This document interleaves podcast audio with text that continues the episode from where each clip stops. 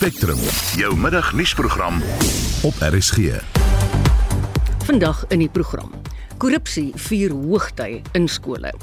From the total of 3,667 reports of corruption that were received, a large majority of those relate to schools.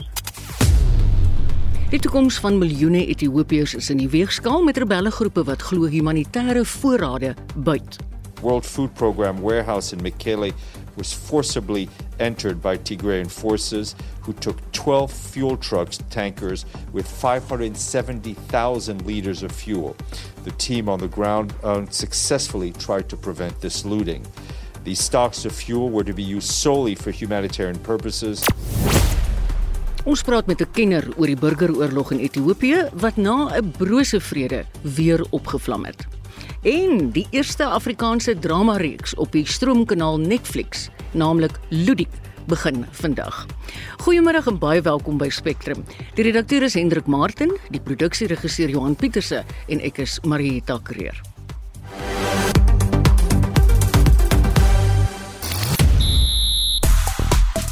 In sportnuus vanmiddag, die Proteas trap klei teen Engeland in Manchester. Daar's heelwat rugby die naweek en natuurlik die groot een wanneer die Springbokke weer in aksie is môreoggend.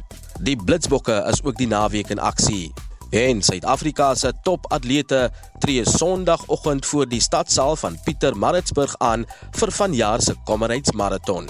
Meer hieroor bietjie later. Ek is Christo Gawie vir RSG Sport. Hitsmerk Zimbabweans. Hitsmerk Zimbabweans Marietta is vir die afgelope 21 uur al een van die gewildste onderwerpe. Dit gaan oor daai gesondheidsaake waar tydens die Limpopo se LER vir gesondheid Poppy Ramatuba aanmerkings teenoor 'n pasiënt gemaak het. Daai mm. pasiënt was van Zimbabwe. Mm. En die LER, die video waarin die LER verskyn word onder meer op die platform gedeel. En almal spoel mond daaroor uit. Talle Suid-Afrikaanse burgers sê Suid-Afrikaanse burgers moet voorrang kry wanneer dit by regeringsdienste kom. Dis baie interessant. Wat ek net nou wou gesê het, ons het gehoor daar word verwys deur Christo Gawien van die Kamrits maraton. Ons wil graag by die luisteraars weet, het jy al aan 'n maraton deelgeneem? Wat doen jy om voor te berei en hoe uitdagend is so 'n proses? En as jy wel die kameras al gehardloop het, asseblief gee vir ons ervaring. En wat is die verwagting wat 'n mens moet hê? Laat weet ons gerus of jy deesdae fiks bly. Deel jou mening deur die SMS te stuur na 45889 teen R50 per boodskap of praat gerus saam op die Monitor en Spectrum Facebookblad.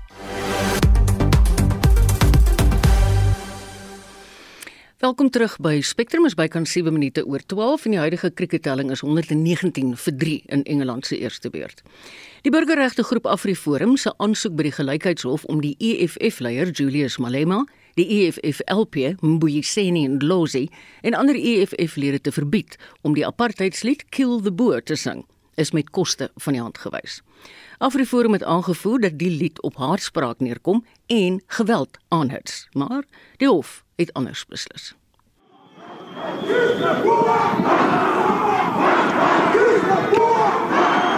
Die EFF wat die saak bygewoon het, het die lied uit volle bors voor die hof gesing nadat regter Edwin Molahehi uitspraak gelewer het. Die hof het beslis dat AfriForum en sy getuies nie kon bewys dat plaasmoorde en plaasaanvalle direk verband hou met Malema se sing van die liedjie Dubula Ibununi of Kill the Boer nie. Molaheli het verder gesê dat AfriForum se Ernst Roots nie as 'n deskundige getuie gekwalifiseer het nie, aangesien sy getuienis gebaseer op sy boek Kill the Boer op hoorsê gegrond is. Hate speech and unfair discrimination is dismissed. The complainant is to pay the cost of the suit. AfriForum sê hy gaan teen die gelykheidshof wat in die Johannesburgse Hooggeregshof sit, sy uitspraak appeleer. Ernst Roots, hoof van beleid en aksie, het die hof se uitspraak betreur. It's quite obvious, or this ruling makes it quite obvious, that when a leader of a political party um, blatantly and openly romanticizes violence towards minority communities, it's condoned and it's accepted by the courts. And, and that's something we cannot accept. Die dispuut oor die liedjie woed reeds sedert 2011, toe Malema nog die leier van die ANC jeugliga was. Regter Colin Lamont het ook in die gelykheidshof bevind dat Malema hom aan haatspraak skuldig maak en hy is verbied om die lied te sing. Malema het geappeleer maar later met Afriforum buite die hof geskik en ooreengekom om nie die lied te sing nie. Die Menseregte Kommissie het in 2003 na meer as 100 klagtes bevind dat die lied op haatspraak neerkom. Die EFF se tesourier-generaal, Umpile Mahudwe, hou vol dat die lied nie letterlik geïnterpreteer moet word nie. During the difficult times of apartheid, our people never took arms to kill anyone. Our people were harassed by the police, apartheid police, throughout the entire apartheid period. They never took a gun or killed anyone. Now, why would you do that in a democratic society that you are trying to build, by the way? Die regter het in sy uitspraak bygevoeg dat 'n ander entiteit moontlik tot 'n ander slotsom kan kom en bevind dat die land se demokratiese vooruitgang deur die lied ondermyn kan word.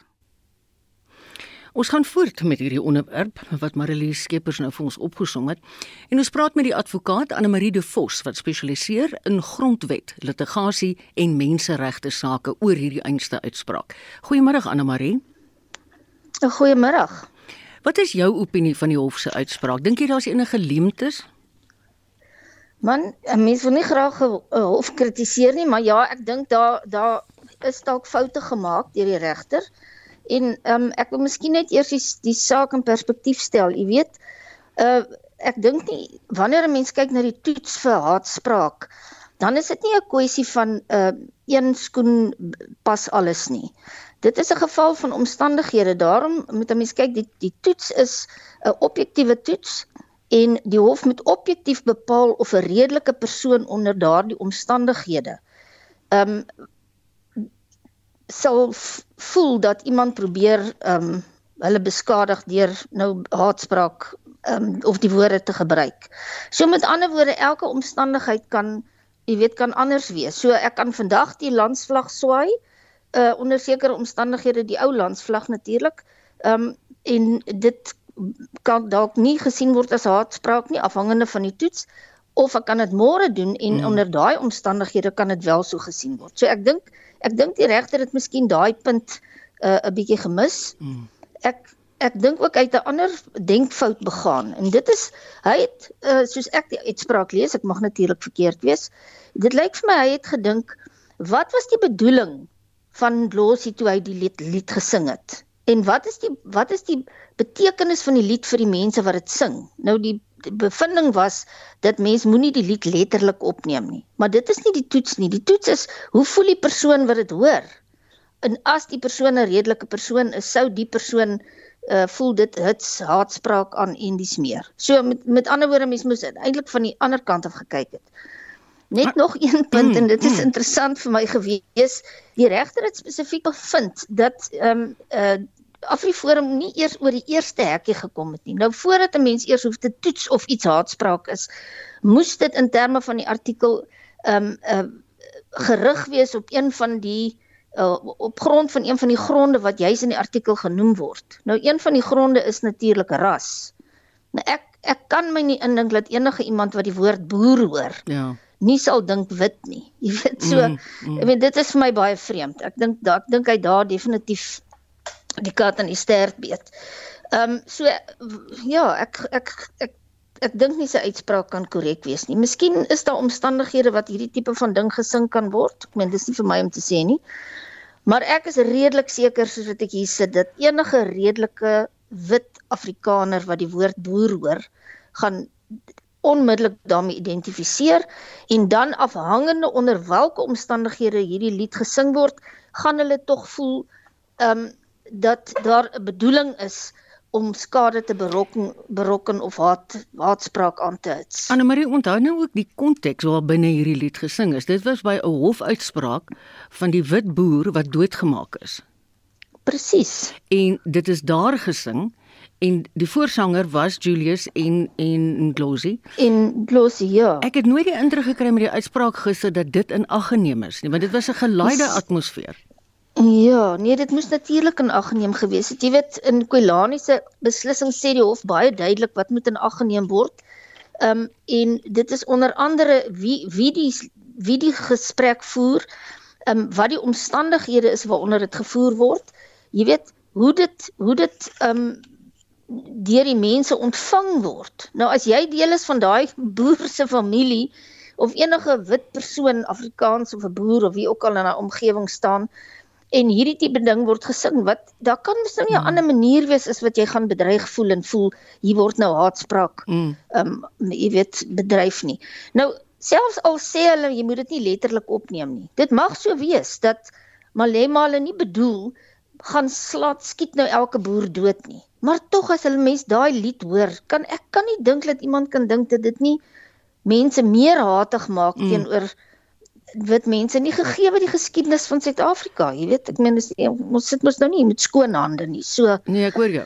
Ja, ek wil jou vra ja. Anne Marie, dink jy hierdie uitspraak skep 'n presedent dat mense nou enigiets kan sing of sê en dan sê ons net, maar moet dit nie letterlik opneem nie?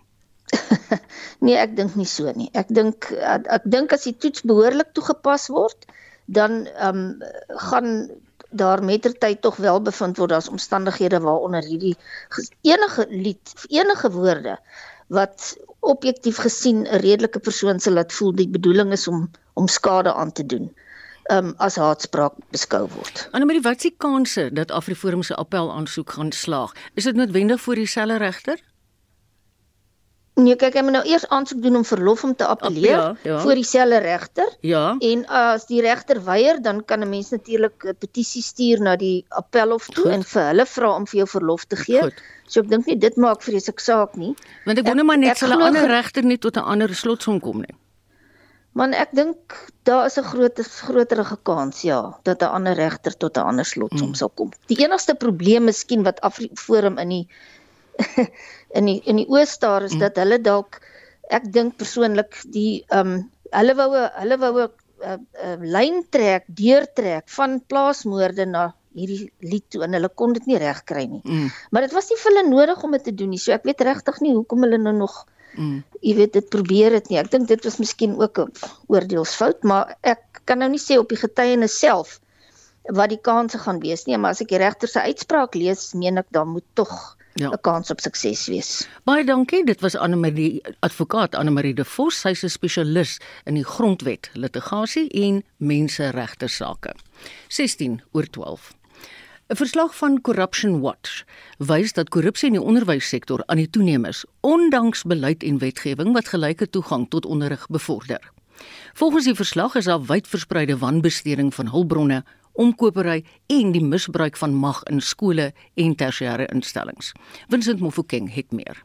Corruption Watch het vir meer as 10 jaar klagtes van beweerde korrupsie in skole en hoër onderwysinstellings regoor die land ontvang. Alhoewel korrupsie in die meeste provinsies voorkom, is die brandpunte Gauteng, KwaZulu-Natal en die Oos-Kaap waar die meeste gevalle aangemeld is. Malusi Ngala, 'n senior navorser van Corruption Watch, verduidelik. From the total of 3,667 reports of corruption that were received, a large majority of those relate to schools. Uh, these are primary and secondary schools. About 3,400 reports relate to that. It's followed by reports of corruption in CETAs. These are skills, education, and training authority bodies and then it's followed by TVET colleges, technical and vocational education and training institutions, which are locally based in most instances, account for about 67 reports of corruption that we received during that period. Die prentjie verander effens wanneer daar ondersoek ingestel word na die sektorale opleidingsagentskappe oftewel SITAs. Onreëlmatighede in die verkrygingsproses is bo die lys, gevolg deur wanadministrasie en wanbesteding van hulpbronne. Ngala beklemtoon dat daar gevalle is waar mense in magsposisies omkoopgeld vra en aanvaar. And must stress that this does not mean that procurement irregularities is not a factor in schools. It definitely is. And across the board, in all focus areas, what we found with procurement irregularities is that often officials or people in powerful positions solicit kickbacks from service providers. Corruption Watch wil die duisende vletjieblaasters wat die onreëlmatighede en korrupsie in die onderwyssektor aanmeld, beskerm. Whistleblowers often come to Corruption Watch as the last resort. And of course, then in some instances where we have sufficient evidence, we will conduct our own preliminary investigations and then liaise with uh, law enforcement or the relevant departments or agencies. And in the education sector, some of these whistleblowers happen to be young people, children in some instances. Dit was Malusi Ngala, 'n senior navorser van Corruption Watch. Vincent Mufokeng, SAK nuus.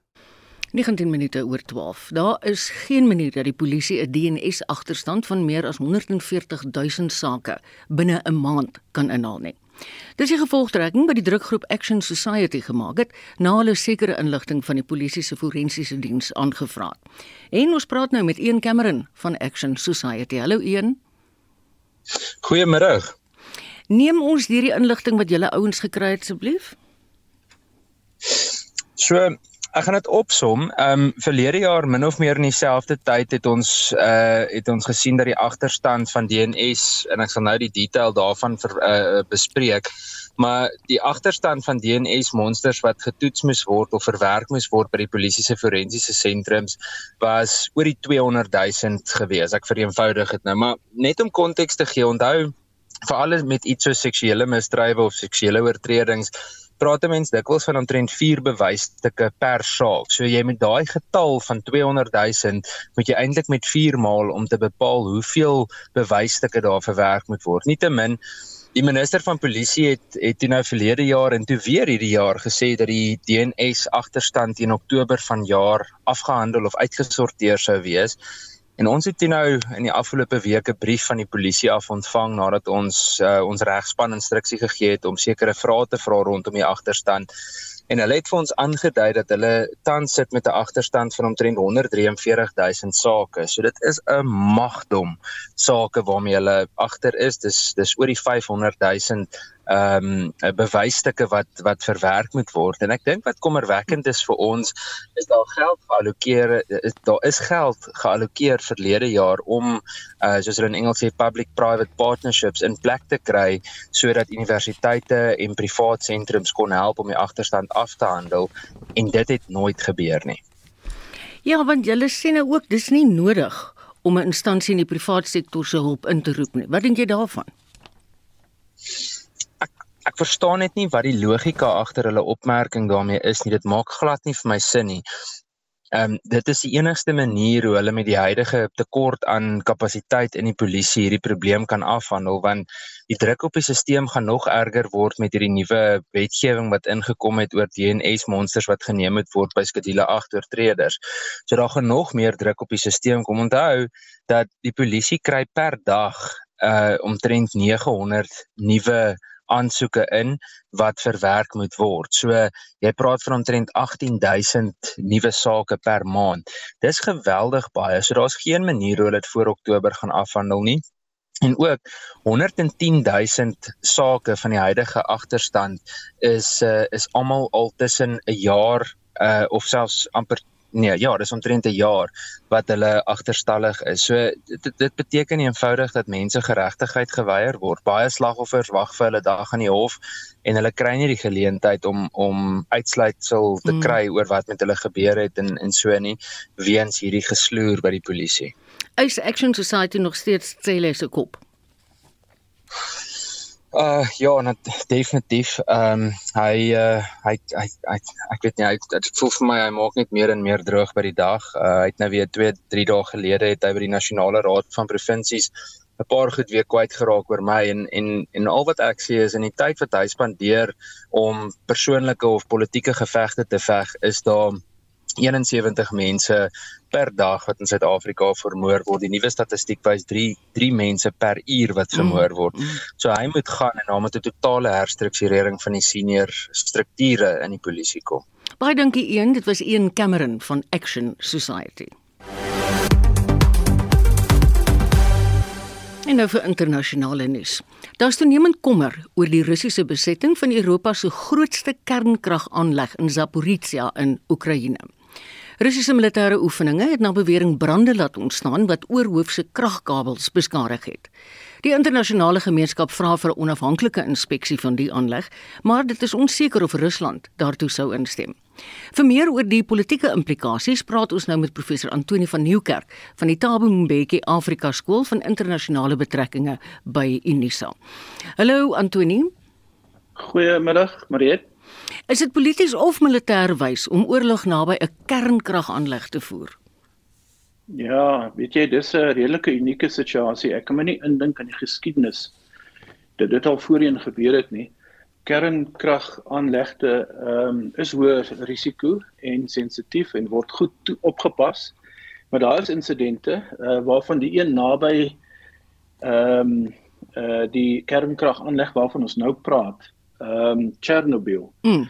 Uh die bekendste voorbeeld is van as 'n ding skeefloop, as 'n as 'n reaktor smelt. Ehm um, en daai gifgasse vrylaat, radioaktiewe gasse vrylaat, dan het dit 'n geweldige uh, impak op die omgewing, sommer die die die subkontinent. Ja. En 'n mens 'n mens sou nou gedink het dat ehm um, dat al die partye betrokke by hierdie konflik nou, die Russe en die Oekraïners, hoe sê mens, Oekraïners, ja. Oekraïners. en en, en moenie vergeet nie hulle bondgenote na, NAVO jy weet die die Europeërs en die Amerikaners en die Britte en almal wat wapens in Oekraïne instuur. Mm. Al die betrokkenes, jy weet, sal sal mense sou verwag het dat hulle uh, nie 'n lyn oorsteek nie. Die lyn is die daai rooi lyn is moenie rondom die omgewing van die kernkragsentrale oorlog maak of bomme laat val of dit uh, op 'n siniese manier gebruik as 'n skuilings uh waar jy jou eie wapens ja. of, of of mense wegsteek nie. Uh en en ongelukkig in hierdie ehm um, dit is dit is letterlik 'n dirty war. Ehm um, waar geen lyne gerespekteer ge ja. word nie. En so met ander woorde, daar's 'n goeie kans dat dat die kernkrag aanleg en ons ons luisteraars weet in hierdie tyd nou dis omtrent die dis die tweede grootste een in Europa. Daar's ses sulke Kuiberg tipe van koepels, jy weet as jy kyk na die fotos. Opgelyn, ses van hulle. Daar's ses Chernobyls wat daar staan en wag. Mm. Hulle het vier van hulle afgesit twee was aan die gang. Lyk vir my hulle gaan ook nou maar uh, afskaal. Uh die die die die die gevaar is bly baie groot. Natuurlijk. Omdat hierdie 'n oorlog is wat wat geen uh, grense ken nie. En ehm um, ek stem saam dat die volgende stap moet die uh internasionale atoomenergie agentskap wees wat 'n inspeksie moet doen en wat heel waarskynlik ek dink die Verenigde Nasies dis wat hulle volgende moet doen. Hulle sukkel maar om hierdie oorlog weet beter te bestuur of of af te laat wentel. Hulle skep humanitêre soort van ehm um, paaie korridors vir mense om in en uit te beweeg. Ehm um, maar hulle sal regtig waar vir al die betrokke partye, nie net die Russe nie of die Oekraïners, maar ook die NAVO moet sê, ja. kom ons kom ons verklaar die kernkragsentrale 'n neutrale gebied. Dis die antwoord op die probleem. As die VN en Guterres dit nie reg kry nie of die IAEA e dit nie reg kry nie, dan bly uh, ons hierdie gevaar loop dat 'n uh, 'n uh, 'n uh, 'n uh, missiel in 'n reaktor inploeg mm. En dan daai gifgasse vrylaat. Antonie, maar as mens kyk na die profiel van Putin, wat is die kans dat hy sal toelaat dat 'n onafhanklike ondersoek daarna ingestel word? uh, hy kan uh, hoe sien mense hy kan by lip service hy kan hy kan voorgee uh hy kan instem uh soos die Iraniërs of uh, ook doen van tyd tot tyd daar kan 'n besoek wees daar kan 'n verslag geskryf word maar ek dink trouens uh, die die beste manier om dit te verstaan is dat ehm um, ons ontsnap dalk die gevaar van uh van 'n kernkrag ehm um, katastrofe omdat Putin eintlik die elektrisiteit wat daar opgewek word vir homself wil gebruik. Onthou nou sy ekonomie is in die moeilikheid. Hy met die Donbas streek in die Krim skiereiland van elektrisiteit voorsien want hy het nou ons die plekke ingeneem en hy sal ewonskielik dit wil gebruik as as sy as sy eie bate. Is daar enigsins 'n moontlikheid dat Oekraïne weer beheer oor hierdie aanleg kan neem? Ek is baie bekommerd oor die manier waarop uh, uh Vladimir Zelensky Volodymyr Volodymyr Zelensky praat asof hy die oorlog gaan wen. Hy sê trouens hulle gaan sommer hulle gaan nie ophou met die oorlog totdat die Krim skiereiland teruggeneem is nie. Uh uh, uh Putin se se se persoonlikheid en sy karakter gaan dit nooit toelaat nie. Mm. So ons sit nou soos baie mense begin sê met 'n met 'n Afghanistan tipe van oorlog of 'n Sirië tipe van oorlog wat wat op 'n op 'n laer skaal dalk net uh, gaan voortduur en ehm uh, dis die idee van jy jy jy maak jou vyand moeg met onophoudelike sabotasie aanvalle. Ja. En dit is ons voorland. Baie dankie Antonie, dis professor Antonie van Nieuwkerk van Unisa se Tabo Mbeki Afrika Skool vir Internasionale Betrekkinge. Op ek op 0.2. Die Weskaapse provinsiale regering het inwoners gemaan om water spaarsaam te gebruik. Dit is in 'n poging om 'n moontlike droogte te oorlewe. Damvlakke is op die oomblik laer as wat dit verlede jaar hierdie tyd was. Ons praat nou met die minister van omgewingsake, Anton Bredel. Goeiemôre Anton. Goeiemôre. Hoe is die stand van julle damvlakke op die oomblik? Op die oomblik in vergelyking met verlede jaar is ons so 15% af, maar ek moet sê ons het die laaste week gereën met 5% die, die help styg. So ons is baie dankbaar daarvoor, maar ons moet ook onthou water en die bestuur van water se langtermynprogram. So uh, droogtes gaan kom, dis in die siklus van klimaatsverandering, wêreldwyd is dit die grootste risiko en daarom sal ons altyd in 'n tipe van waterbesparing fase mm. moet wees. Mm. Dink julle daar's enigsins nog kans vir nog reën hierdie seisoen? Um, ons gaan volgende week hopelik nog een kry ons ons ons ons langer termyn weervoorspellings is altyd dat ons van hierdie jaar 'n droë winter hê en dat dit is waar ons waar, waarom ons nou begin want ons is bang dat dit gaan oor in volgende jaar weer 'n droë winter en dan is ons terug wat 2017 was. So deel van ons beplanning is dat ons doen 'n beroep op mense bespaar water ons damme vol kry en selfs wanneer ons damme vol is, mm. ons nie volhou om water meer as een ja. keer te gebruik. Anton, maar ek glo daar's tog sekere maatreëls wat julle nou geleer het na aanleiding van die vroeë erge droogte van 2 jaar gelede wat julle in werking gestel het. Ja, ons leer baie lesse. Ek vandag al die wetgewers vir mense by ons rampbestuursentrum so ander provinsies ook leer. Maar moet onthou ons kan nie water maak nie. Populasie groei. Kom ek vir jou syfer dat ehm um, vir hierdie jaar het 108 000 mense getrek Weskaap toe. Dit beteken 21,7 miljoen liter water per dag wat goed ekstra. So. so ja, ons kyk nou na ons ons grondwaterbronne, ons kyk na ehm um, ons soutingsbronne, ons kyk na ander meganismes en bouplan goedkeurings dat jy reënwater oes. Ehm um, en en en as baie wat ons kan doen maar ons mm. publiek vir om saam met ons te werk ja, en daardie meganismes in werking te stel. Baie dankie vir jou tyd Anton. Dit was die minister van omgewingsake in die Wes-Kaap, Anton Bredel en ek hou tussendeur vir ons die krieket dop. Die jongste telling is 144 vir 4 Engeland in sy eerste beurt. Jy luister na Spectrum. Elke week saterdag tussen 12 en 1. Nog 'n Golden Arrow bus is ver oggend in Nyanga aan die brand gesteek. Dit volg nadat 4 busse van die Kaapstad Metro Raad gister in dieselfde gebied deurgeloop het. Die 2019 Comrades vroue wenner Gerda Sneyn sal nie haar titel vanjaar verdedig nie. En die toekoms van miljoene Ethiopiërs is in die weegskaal met rebellegroepe wat glo humanitêre voorraad byt. World Food Program warehouse in Mekelle was forcibly entered by Tigrayan forces who took 12 fuel trucks, tankers, with 570,000 liters of fuel. The team on the ground unsuccessfully tried to prevent this looting. These stocks of fuel were to be used solely for humanitarian purposes. Ons praat met 'n kenner oor die burgeroorlog in Ethiopië wat na 'n brose vrede weer opgevlam het.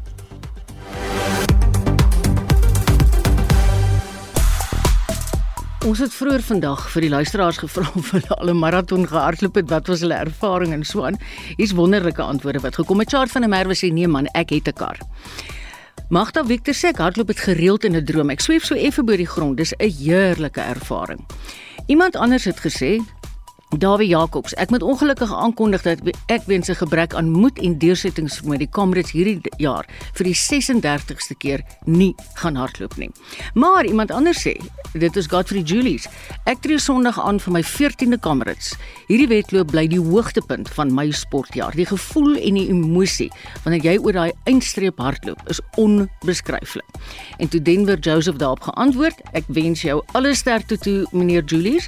Ek het 8 voltooi en 10 is in my versuur. Hier is Christo Gawie met die jongste sportnuus. Goeiemiddag. Terwyl die Proteas sukkel, is die SA Binnemuurse kriketspan hard besig met voorbereidings vir hulle eie Wêreldbeker. Die Binnemuurse Kriket Wêreldbeker vind aan die begin van Oktober in Melbourne in Australië plaas. Suid-Afrika se span wat bestaan uit amateur kriketspelers het onlangs 'n suksesvolle toer in Dubai afgelê en speel vanaand by die Sandton Aksiesport Arena teen professionele spelers van beide die Lions en die Titans. Suid-Afrika is ook een van 8 nasies wat hieraan sal deelneem. Dan is daar heelwat rugby in aksie hierdie naweek. Dit gaan nie 'n baie maklike taak vir die Springbokke in Adelaide wees nie. Die Bokke het in 2021 juis teen die Wallabies vasgeval met 30-17 en ook 28-26 onderskeidelik in daardie jaar. Maar die Springbok span is ook nie 'n span wat jy net so kan afskryf nie. Faf de Klerk is terug, asook 'n Suid-Kaapse man, Warwick Geland draf uit op vleuel. Die bomsquad bestaan uit Melke Marx, Kwagga Smit, Frans Steyn en Elton Jantjies onder andere. Die Wallabies het 6 veranderinge gemaak aan hulle span wat 'n rekord nederlaag teen Argentinië gelei het. Die loskakel Noah Lolesio en heel agter Reese Hodge is opgeroep en daar is besluit om Hante Paisami en Matt Philip op slot te kies. Die loskopste James Slipper is die kaptein in die afwesigheid van Michael Hooper. Afskop is om 08:30 môre oggend Suid-Afrikaanse tyd. Net voor 10 kom Nieu-Seeland en Argentinië teen mekaar te staan in die ander kampioenskapskragmeting. Die Blitsbokke wat verlede maand 'n goue medalje by die Statebond spele gewen het, is ook môre aand om 20 oor 6 Suid-Afrikaanse tyd in aksie teen die FSA en 20 oor 9 teen Kanada by die Los Angeles Sevens wat die naweek beslis word. In golfnuus is die rekordboeke gister deur Paula Rito van Suid-Afrika herskryf in die eerste ronde van die Kanadese Ope vir vroue. Rito se 62 houe 9 onder baansyfer is 'n baanrekord en het haar 'n voorsprong van 2 houe oor Enna Rin van Suid-Korea besorg. Die vorige baanrekord is deur Brooke Henderson van Kanada in 2017 opgestel. Dis die sportnuus vir vanmiddag. Dankie Christo Gawen, dit is gaaf van jou. Die tweede krikettoets tussen Suid-Afrika en Engeland het gister op Old Trafford in Manchester, Engeland begin. En vir die jongste nuus skakel ons nou oor na Pieter van der Berg. Hallo Pieter. Middag sê Marita, ja, goeie en slegte nuus vir Suid-Afrika. As ons kyk na Norke wat ingedraf kom regterarm oor die paaltjie en baie verdedigend gespeel deur Fouks wat sopas ingekom het daar aan die oorkant. Ja, die goeie nuus is dat Suid-Afrika reeds twee paaltjies gekry het. Die slegte nuus is dat Engeland net vier lopies agter Suid-Afrika se totaal is en hulle is met ander woorde vyf paaltjies plat en dit beteken dat hulle nog vyf paaltjies oor het om 'n goeie voorsprong op te bou. Maar kom ons kyk uh, net uh, wat gister gebeur het. Natuurlik Suid-Afrika wat die lood gewen het en hulle teken 151 lopies aan. Nie 'n goeie ehm um, ek wou amper sê oggendsessie vir Suid-Afrika nie. Dit was bewolk. Daar was baie beweging van die blad af gewees en uh, dit is uh, met middagete Suid-Afrika op 77 vir 5 toe teen teetyd 143 vir 8 en ons is almal uit vir 151 van 53 bilbeerte met Kagiso Rabada wat die hoogste telling kry 36 lopies. Anderson in sy 100ste wedstryd, hy het 3 vir 32 geneem, baie baie goed gebul. En toe aan die einde van dag 1 het Engeland die telling geneem tot by 111 vir die verlies van 3. Dit beteken ons al 40 lopies agter met 7 paaltjies staande. Nou Zack Crowley met sy telling op 17 en Jonathan Bestow met sy telling op 38 het kom voorkof regterarm om die paaltjie hierdie keer van Rabada en Stokes wat so byna gaan proe buite die wegpen en dit bly 147 vir 5. Ja, daardie 111 vir 3 oor nag is dan nou geneem tot by 147 vir 5 en uh die twee manne terug in die paviljoen Bestow vir 49. Hy's gevang deur RW op die eerste glip. Die bowler is Norke en ook die volgende paaltjie het nou uit aan Norke behoort. Lou Crowley uit is vir 38, maar luister gerus hierna 101 balle getrotseer regter om die paaltjie Rabada verdediging Stokes in die oorkant en dit bly 147 vir 5. 147 vir 5 Dit beteken dat Engeland net 4 lopies agter Suid-Afrika se totaal is. Maar goed teruggeveg. Ek moet sê wat vanoggend 'n hele klompie eh, geleenthede waar daar 'n paaltjie kon val ja. vir Engeland. Hulle was bietjie gelukkig geweest hmm. en uh, Maretta, ek dink dat Suid-Afrika uh hier uh, ek wil amper sê hulle hulle kan beperk tot onder 200. Dit is Suid-Afrika 'n goeie kans mm, want mm. die baan die baanblad is droog en daar gaan heelwat gedraai word in die laaste beurt. Kom ons vertrou dat Suid-Afrika 'n goeie tweede beurt kan kry, maar nie 'n groot voorsprong wat Engeland gaan geniet op die eerste beurt nie. Dis die jongste nuus van my Maretta. daarmee terug na jou in die ateljee in ja, Johannesburg. Voor jy gaan Pieter, ek wil vir jou sê ek dink tog daar's ook 'n paar vangskote gewees wat gebrou is agter die paaltjies, né? Nee? Ja, daar was uh, ja, ek moet sê dit was nie so suiwer gewees nee. die die die veldwerk van Suid-Afrika nie, maar dan moet ek sê, uh Crowley 101 balle wat hy trotseer het en hy hy het vir ons gewys hoe moet mense in toetskriket ja. kolf. Ons moet aanvaar die kolwers is deesdae gewoond aan T20s en eendagwedstryde, mm. maar ja, ongelukkig hier en daar is Suid-Afrika nie so akkuraat wat uh, die veldwerk aanbetref nie. Maar kom ons vertrou ja. dat ons uh, Engeland gaan uitkry onder die 200. Pieter gaan ook net nou in 360 kanaal kommentaar lewer en vanmiddag in Spitsbergen saam met my en Willem gaan hy ons die hele tyd op hoogte hou van die cricket. 'n Brose vrede van 5 maande het in Ethiopië geheers om humanitêre ingryping toe te laat. Maar hernuide geweld tussen die regering en die Tigray-rebelle het intussen weer in die noorde van die land uitgebreek. Die toekoms van miljoene Ethiopiërs is in die weegskaal. En vir meer hieroor praat ons nou met 'n senior opleidingskoördineerder van die ENACT program by die Instituut vir Sekuriteitsstudie, Willem Els. Goeiemôre Willem. Goeiemôre Grete. Wat het hierdie vredesooreenkoms behels en was daar reeds aanduiding dat dit van korte duur sou wees vroeër? Uh, ja, uh, dit is uh, dit is 'n baie goeie vraag want jy weet dit die, die vrede is baie broos in in Ethiopië as gevolg natuurlik van die onlangse politieke veranderinge wat daar plaasgevind het sedert 2019 waar die Tigray gemeenskap uitgeskakel is of uitgeskuif is uit die regerende groep uit en dit het natuurlik tot daartoe gelei dat hulle begin beklei het dat hulle nou verder onafhanklik wil wees. En uh, wat daartoe gelei dat hulle opgestaan het daar was natuurlik 'n gewelddadige onderdrukking van uh, die groep deur die uh, regering.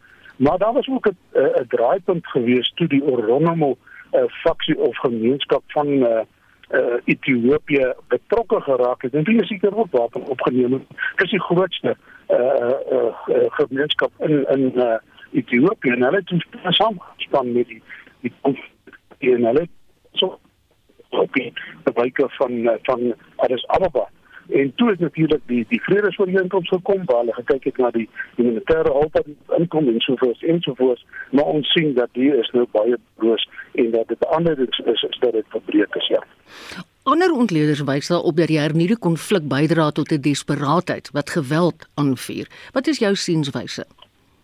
Ja, dit is so, jy sal sien as jy kyk na Ethiopië self, die land gaan gebuk onder geweldige droogte. Hulle het ander invloede wat ook daar is, natuurlik die dam wat gebou is daar wat hulle in konflik sit met die lande in die noorde, so daar in Egipte.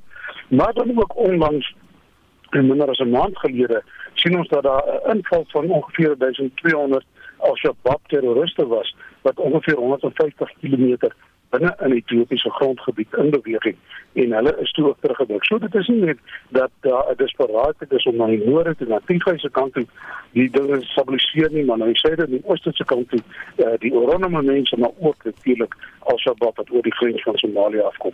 Baie dankie Willem.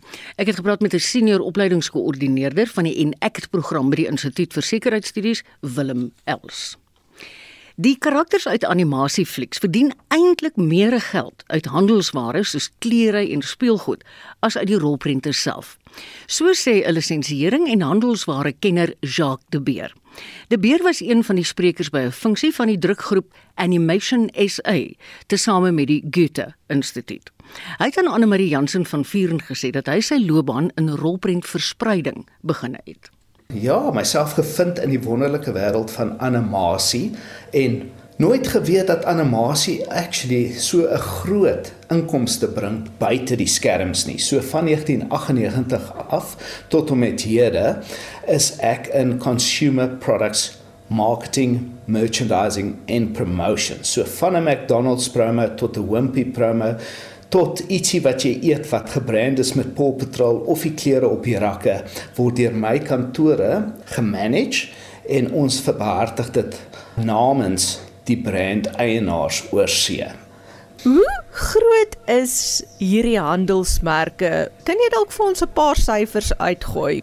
Die animasie studio is hoe hulle werk. As jy 'n ekspert is op film of animasie, is jy nie noodwendig 'n ekspert om klere of speelgoed te maak nie. Hulle manier van uitbrei op speelgoed in ander kategorieë is deur dit te sublisensieer en hulle vra dan 'n royalty. Hierdie royalties wat hulle dan genereer oor produkte kan enige iets van 9 miljard dollar tot en met 18 miljard dollar wees wat Paw Patrol en Star Trek en brands soos dit oor hulle termyne van net 10 jaar of minder al gemaak het. Nickelodeon alleen in Suid-Afrika doen ons amper 'n miljoen dollar in royalties alleen op produkte. So ja, die potensiaal is multimiljoene, maar ek dink die fout wat baie mense maak is hulle dink dis maklik. Dit is nie maklik om 'n produk te produseer wat al die boxes tik van ons jeug van vandag wat nie net animasie op hulle fone of die TV of YouTube streaming of oral kyk nie, maar ook die rede is hoekom jy Adidas tekkies dra. Is nie noodwendig omdat jy 'n sportpersoon is nie, maar is aspirerend. Ek dink in Suid-Afrika het lokale animasies tot en met 135 miljoen dollars gemaak op die box office, maar op speelgoed en klere kon dit dalk baie minder gewees het. Ek het nie die inside daardie want ons het nie sulke studies in Suid-Afrika nie, maar ja, oorsee is dit groot. Ek weet nie of dit vir jou sin maak. Ja, en hierdie geleentheid wat nou hierdie week gebeur wat daar hierdie gesprek is met Suid-Afrikaanse animasie rolprentmakers neem ek aan is om bietjie van hierdie bewusmaking daaromtrent te kweek. So wat is jou boodskap wat jy vir hierdie Suid-Afrikaners gaan sê? Annelie, ek dink daar is baie talent daar buite. Almal het baie geleer deur die afgelope jaar by SA Animasie dat daar meer as net die animasie kant is en om geld te maak op content verkope. Basies my boodskap aan die animators daar buite gaan wees dat kyk nie net na jou eie animasie nie, maar kyk na animasie soos ons kyk na ons kinders. Elke kind is anders en so ook elke animasie en elke mens het tog soos wat jy van jou animasie hou, is daar duisende kykers wat ook die animasie sal oor wil brag en op hulle klere sal wil dra. So my boodskap aan hulle sal wees is as jy kyk na jou animasie, dink daaraan, sal dit werk op buitespeelgoed, sal dit werk op puzzles. As ek dit sit op puzzles, hoekom sal my puzzle beter verkoop as 'n Paw Patrol puzzle? Vergelyk dit met internasionale animasies wat dit nou al gemaak het soos The Minions, soos Paw Patrol, soos Spider-Man en vat daai key learnings en apply dit op 'n kan ek maar sê 'n dokument wat van die animasie af uitgetrek word wat die karakters in huidigelike fashion insit en groei daarop soos wat jy jou animasie uitbrei. Dit was Jacques de Beer, 'n handelsware kenner en hy het met Anne Marie gesels. Die sake nuus word nou aangebied deur Philip Baumgart, portefeuljebestuurder by Sanlam Privaat Welvaart. Goeiemôre luisteraars. Alle oë vanmiddag is uh, op die se federale voorsitter Jerome Powell wat 'n toespraak gemaak by Jackson Hole vergadering. Die mark gaan luister of die federale bank inflasie meer aggressief wil aanvat deur rentekoerse teen 'n vinniger tempo te verhoog. Vir nou prys die mark 'n verhoging in van omtrent 0.75% tot einde Desember. Die mark trap maar redelik water soos ons wag vir die nuus, maar dit kan redelik die rigting van die mark bepaal oor die volgende paar weke. As ons net kyk na die JSE vandag, die algehele indeks behandel onveranderd op 7032. Een eh die onderbronne is maar die indeks wat die sterkste is, hulle is so 0,98% op gevolg met finansiëel wat so 0,1% op is en industriële indeks trek 'n bietjie swaarder, so 0,65% af. So net kyk na die internasionale markte, ons maar wag vir die nuus wat ek van gepraat het. Die Franse CAC is so 0,1% af en die Duitse DAX is so 0,2% af. Net kyk na die hulpbronne, Brent olie verhandel teen so 99 dollar per vat, wat so 1.1% op is. Platinum is 873 dollar per fyn ons wat so 0,8% op is en palladium doen baie goed 2138 dollar per fyn ons wat 5.6% op is. Die wisselkoerse is 'n bietjie sterker, die rand, uh, die rand teen die dollar is 16.86, die rand teen die pond is so 19.94 en die rand euro is dieselfde as die dollar is 16.86, so hy's op pariteit. As ek kyk na 'n paar aandele wat uitstaan vandag, Bitcoin is so 2.5% op, hy's R338. Anglo American is so 2% op op 590. British American Tobacco lyk goed, hy is so 1.2% op op 693. Aandele wat bietjie swaar trek is Naspers wat vroeër die week goed gedoen het. Hy is so 2.7% af op R2542. Die Foschini groep is so 1% af op 130 en Anglo Gold die goudmaatskappy is so 1% af op R250 en daarmee terug na julle. Baie dankie Philip, dit was Philip Baumgart, portefeuljebestuurder by Sanlam Privaat Welvaart. En nou is dit tyd vir die teaterrubriek met teaterresensent Frans Swart. Die kinderproduksie Vloei en die Geheim speel by die Kunste Kaap in Kaapstad tot 5 September. Elke Augustus is spesiaal as Vloei en sy maats kinders van regoor die Wes-Kaap vermaak. Dit sluit plekke in soos Saldanha, Swellendam, Bredasdorp en dan natuurlik die Kunste Kaap. Verjaar is ekstra spesiaal want Vloei vier sy 20ste jaar op die verhoog. Onder die knap hande van regisseur Marinda Engelbregt en teksskrywer Margit Meyer Rodenbeck word die storieboom reeks vir die verhoog verlewendig. Aangesien vloei talle skole se voorgeskrewe leesreeks is, is dit werklik 'n wonderlike ervaring vir die grondslagfase om die karakters in lewende lywe te aanskou. Verjaar se geselskap is Ilanza Swart wat vir die 7de jaar die rol van vloei vertolk. François Turin, Carly Heine Lenel Kenneth, Robert Hindley en Elden van der Merwe. Konrad Raal behartig die musiekregie en Ilana Snyman die stel en kostuums. Greg Pettigrew se produksie Shades of Broadway speel vanaand by die Pierneef Theater in Pretoria. Pettigrew sê dat hy in hierdie produksie hulde bring aan die musiek van Broadway, maar in die proses delf hy ook diep in sy eie persoonlike lewe. Shades of Broadway is essentially my life story of being on the musical theatre stages around the world, all my experiences, some anecdotes from shows that I've been in, observations of the musical theatre industry. And then it gets very personal and goes into my life story off stage and how that's affected me as a performer and helped me to grow into the characters that I portray and ultimately to playing myself. It's about giving the audience insight into the life of an actor, the creation of characters, and then the stripping back to expose the real person that is us. Die Rykoonie klug, my vrou se man se vrou, speel nog tot 28 Augustus by die Atterbury Theater in Pretoria. Die rolverdeling bestaan uit Botha Enslin, Volro van Agterberg, Marissa Klasen, Stefan Vermaak, Etienne Du Plessis Tiart Lee en Daniel Brits. Die Engelse weergawe van hierdie produksie, Run for Your Wife, speel reeds die afgelope 30 jaar in Londen se West End. Franco en vriende word verjaar aangebied by die Sunbed Arena in Pretoria op 25 September.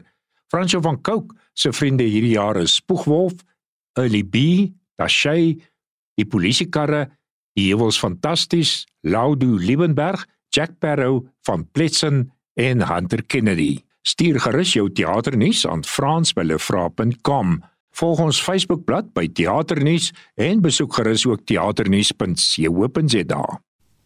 En dit was Frans Swart. Die eerste Afrikaanse drama reeks op die stroomkanaal Netflix met die naam Ludik begin intussen vandag met Arnold Vosloo in die hoofrol. Die res van die rolverdeling sluit bekende akteurs in soos Dian Lawrenson, Rob van Vuren, Lia Vivier en Liz Meyering. Meyering sê dit is 'n belangrike reeks. Ludik die reeks is die eerste aksie reeks in Afrikaans op Netflix, maar dit kan ook in Engels geluister word. Baie van ons het ons eie stemme gaan oorklank. Dit is opwindend, dit is verrassend. Dit is aksiebelaai en ook emosioneel baie fyn genuanceerd. En ek as Liz Meyering as akteur was regtig bevoorreg om hierin te kon speel en so 'n lekker dramatiese rol te kon vertolk. Ek sien baie uit na die reeks en ek is seker dit gaan grensverskuivend wees en baie goed doen. En dit is die stem van Liz Meyering. Die DA sê hy is gereed vir 'n stryd met die ANC om te verseker dat die koalisieregerings wat hy in Gauteng se metro's lei voortgaan om te werk. Die party het die ANC daarvan beskuldig dat hy agter die gekoördineerde aanvalle op sy burgemeesters in Tshwane, Johannesburg en uiteindelik ook in Ekurhuleni is. Die ANC se nuutverkose leierskap in die provinsie het geen geheim gemaak van sy voorneme om die DA te ontroon nie. Weer Vincent Die DA met ondersteuning van sy kleiner vennote het die ANC daarvan beskuldig dat hulle agter die gekoördineerde aanvalle op sy burgemeesters van die koalisieregerings in Gauteng is. Die DA-leier, John Steenhuisen, sê dit is 'n politieke magstryd. The mayors of these metros all happen to be DA mayors are being targeted simultaneously in an effort to destabilize these governments and let the ANC in the back door. In Tshwane, the ANC has submitted a motion of no confidence in Mayor Randall Williams. While in Johannesburg, its allies, the PAC and the ARC, have done the same to Mayor Mpopalatse. And we now understand that there are similar plans afoot for Mayor Tanya Campbell in Ekurhuleni. This is the work of an ANC that finds itself cut off from its entire patronage network in these Gauteng metros. As a result, it now cannot fund its own operation. Steenhuisen sê die ANC word gemotiveer om aan die mag wat hy tot 2016 geniet het vas te klou om munisipaliteite se finansies as hul persoonlike kasregister te gebruik. Steenhuisen sê sy party sal nie geïntimideer word nie. I can assure you that the party I lead has the stomach for this fight. Our entire focus is on reducing the ANC to a minority party and replacing their government with a coalition government in 2024. And we are prepared for anything that might happen between now and then. I also have no doubt that most of our brave coalition partners will stand right beside us to help ward off this attempted power grab. Die EFF wat voorheen saam met die DA in die Gautengse metros gestem het, het egter aangedui hulle oorweeg die ANC se toenaderings, maar met hulle eie voorwaardes. I had a discussion with Mbalula and I said we want them to remove the mayor of the ANC because she messed up the appointment of the city manager against the resolution of the council. So we can't have such a delinquent presiding over that municipality. We are more than prepared to vote with the ANC on condition they remove that mayor. We're not going to vote with the DA. The DA doesn't want us. Malema sê die nuutverkose leiers van die ANC in KwaZulu-Natal en Gauteng het reeds sy party vir ondersteuning in verskeie munisipaliteite genader. Die voorsitter van die ANC in Johannesburg, Dada Morero, het sy doelwitte onmiddellik na sy verkiesing 2 maande gelede verklaar. We will be in government and we will time it such that it happens on the 22 of August. We lost power on the 22nd of August 2016. So we will time it. And timing is very important. So we will time it such that we reverse this thing so that it never happens again that we lose power. Intussen sal die stemming teen Tshwane se burgemeester, Randall Williams, vandag plaasvind. Die verslag van Busi Chimombe. Ek as Vincent Mufokeng vir SAI Garnis. Groete namens almal by Spectrum. SAI Garnis.